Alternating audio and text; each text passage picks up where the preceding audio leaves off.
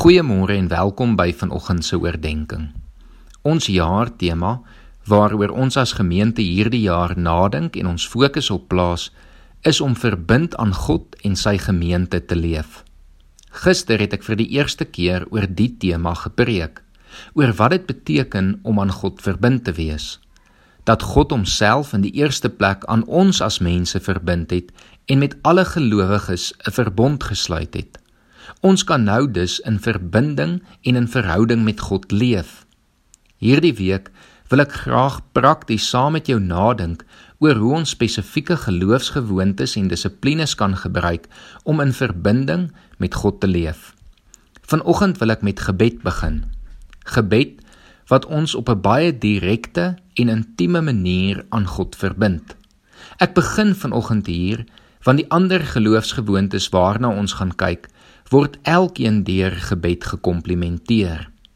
Gebed is waarskynlik die eerste geloofsgewoonte wat ons as kinders leer en daarom glo ek gebed is alreeds deel van elkeen wat luister se lewe.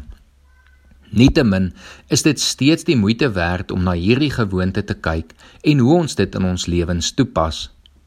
Die Bybel leer ons baie oor gebed. Filippense 4 vers 6 sê moet oor niks besorg wees nie, maar maak in alles julle begeertes deur gebed en smeking en met danksegging aan God bekend.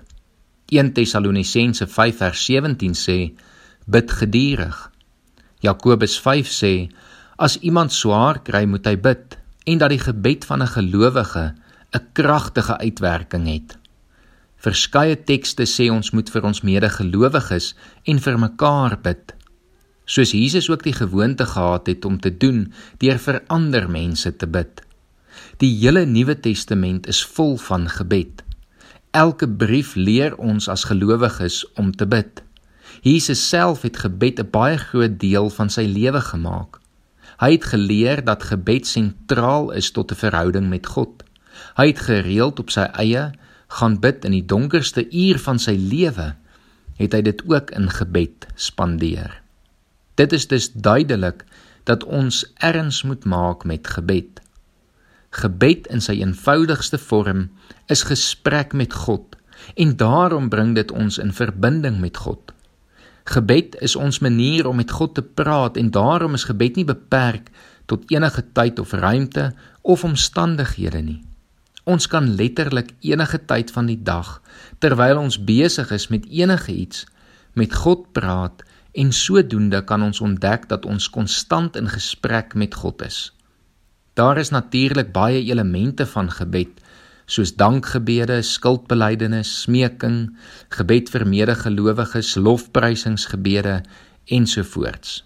Ek gaan nie vanoggend op elkeen kan ingaan nie, maar ek wil graag opsommend 'n paar opmerkings maak. Gebed behoort so gereeld as moontlik alle elemente wat ek nou net genoem het bevat. Ons moet onthou, gebed is 'n gesprek met God om ons verhouding met hom te verbeter. Daarom behoort ons oor alles met hom te praat en ons moet versigtig wees om net een aspek van gebed deel van ons gebedslewe te maak. Ek het oor die laaste paar jaar 'n interessante fenomeen opgemerk. Indien ek saam met volwassenes is en vra dat ons bid, is die gebede dikwels versoeke van dinge wat God vir ons moet doen en soms hier en daar 'n dankgebed. Indien ek saam met kinders is en hoe jonger, hoe meer is die gebede dankgebede. Nie een is verkeerd nie, maar ons het nodig om 'n groter balans in ons gebedslewe toe te pas. Op die ou einde kom dit daarop neer om baie meer doelbewus te bid. Om spesifiek te bid en om alle moontlike elemente van gebed deel van jou gebedslewe te maak. Ek sal graag die wat kan en die tyd het uitnooi om weer die film War Room te kyk wat doelbewuste gebed as geloofsgewoonte baie mooi uitbeeld. Te veel gelowiges val in 'n groef van ongesonde gebedsgewoontes. Ons bid net in die oggend of net in die aand of voor etes en elke gebed is maar 'n rympie wat ons herhaal sonder om werklik bewus te wees van wat ons sê. Voor Jesus die onsse Vader gebed vir die disippels geleer het, het hy hulle gewaarsku om nie in rympies te bid nie. Doelbewuste gebed verander hierdie, want ons raak bewus van God en dat ons enige tyd met hom kan praat, maar veral spesifiek met hom kan praat oor ons hele lewe. Ek wil jou vandag uitnooi om nuut oor jou gebedslewe te dink. Assesseer hoe jou gebede die laaste ruk geklink het, hoe gereeld jy gebid het en hoe bewustelik jy gebid het. Stel dan 'n plan van aksie op om hierdie te wysig deur ander elemente van gebed in te bring, 'n balans te kry en om baie belangrik doelbewus gesprek met God te bevorder. Mag elkeen van julle wat vandag tyd het, genoeg tyd inruim om lekker met God te gaan gesels. Kom ons bid saam. Here, dankie dat ons met U kan praat. Dankie dat U met ons wil praat en na ons wil luister. Here, dankie dat ons U naam groot kan maak deur ons gebede, dat ons U kan loof en prys.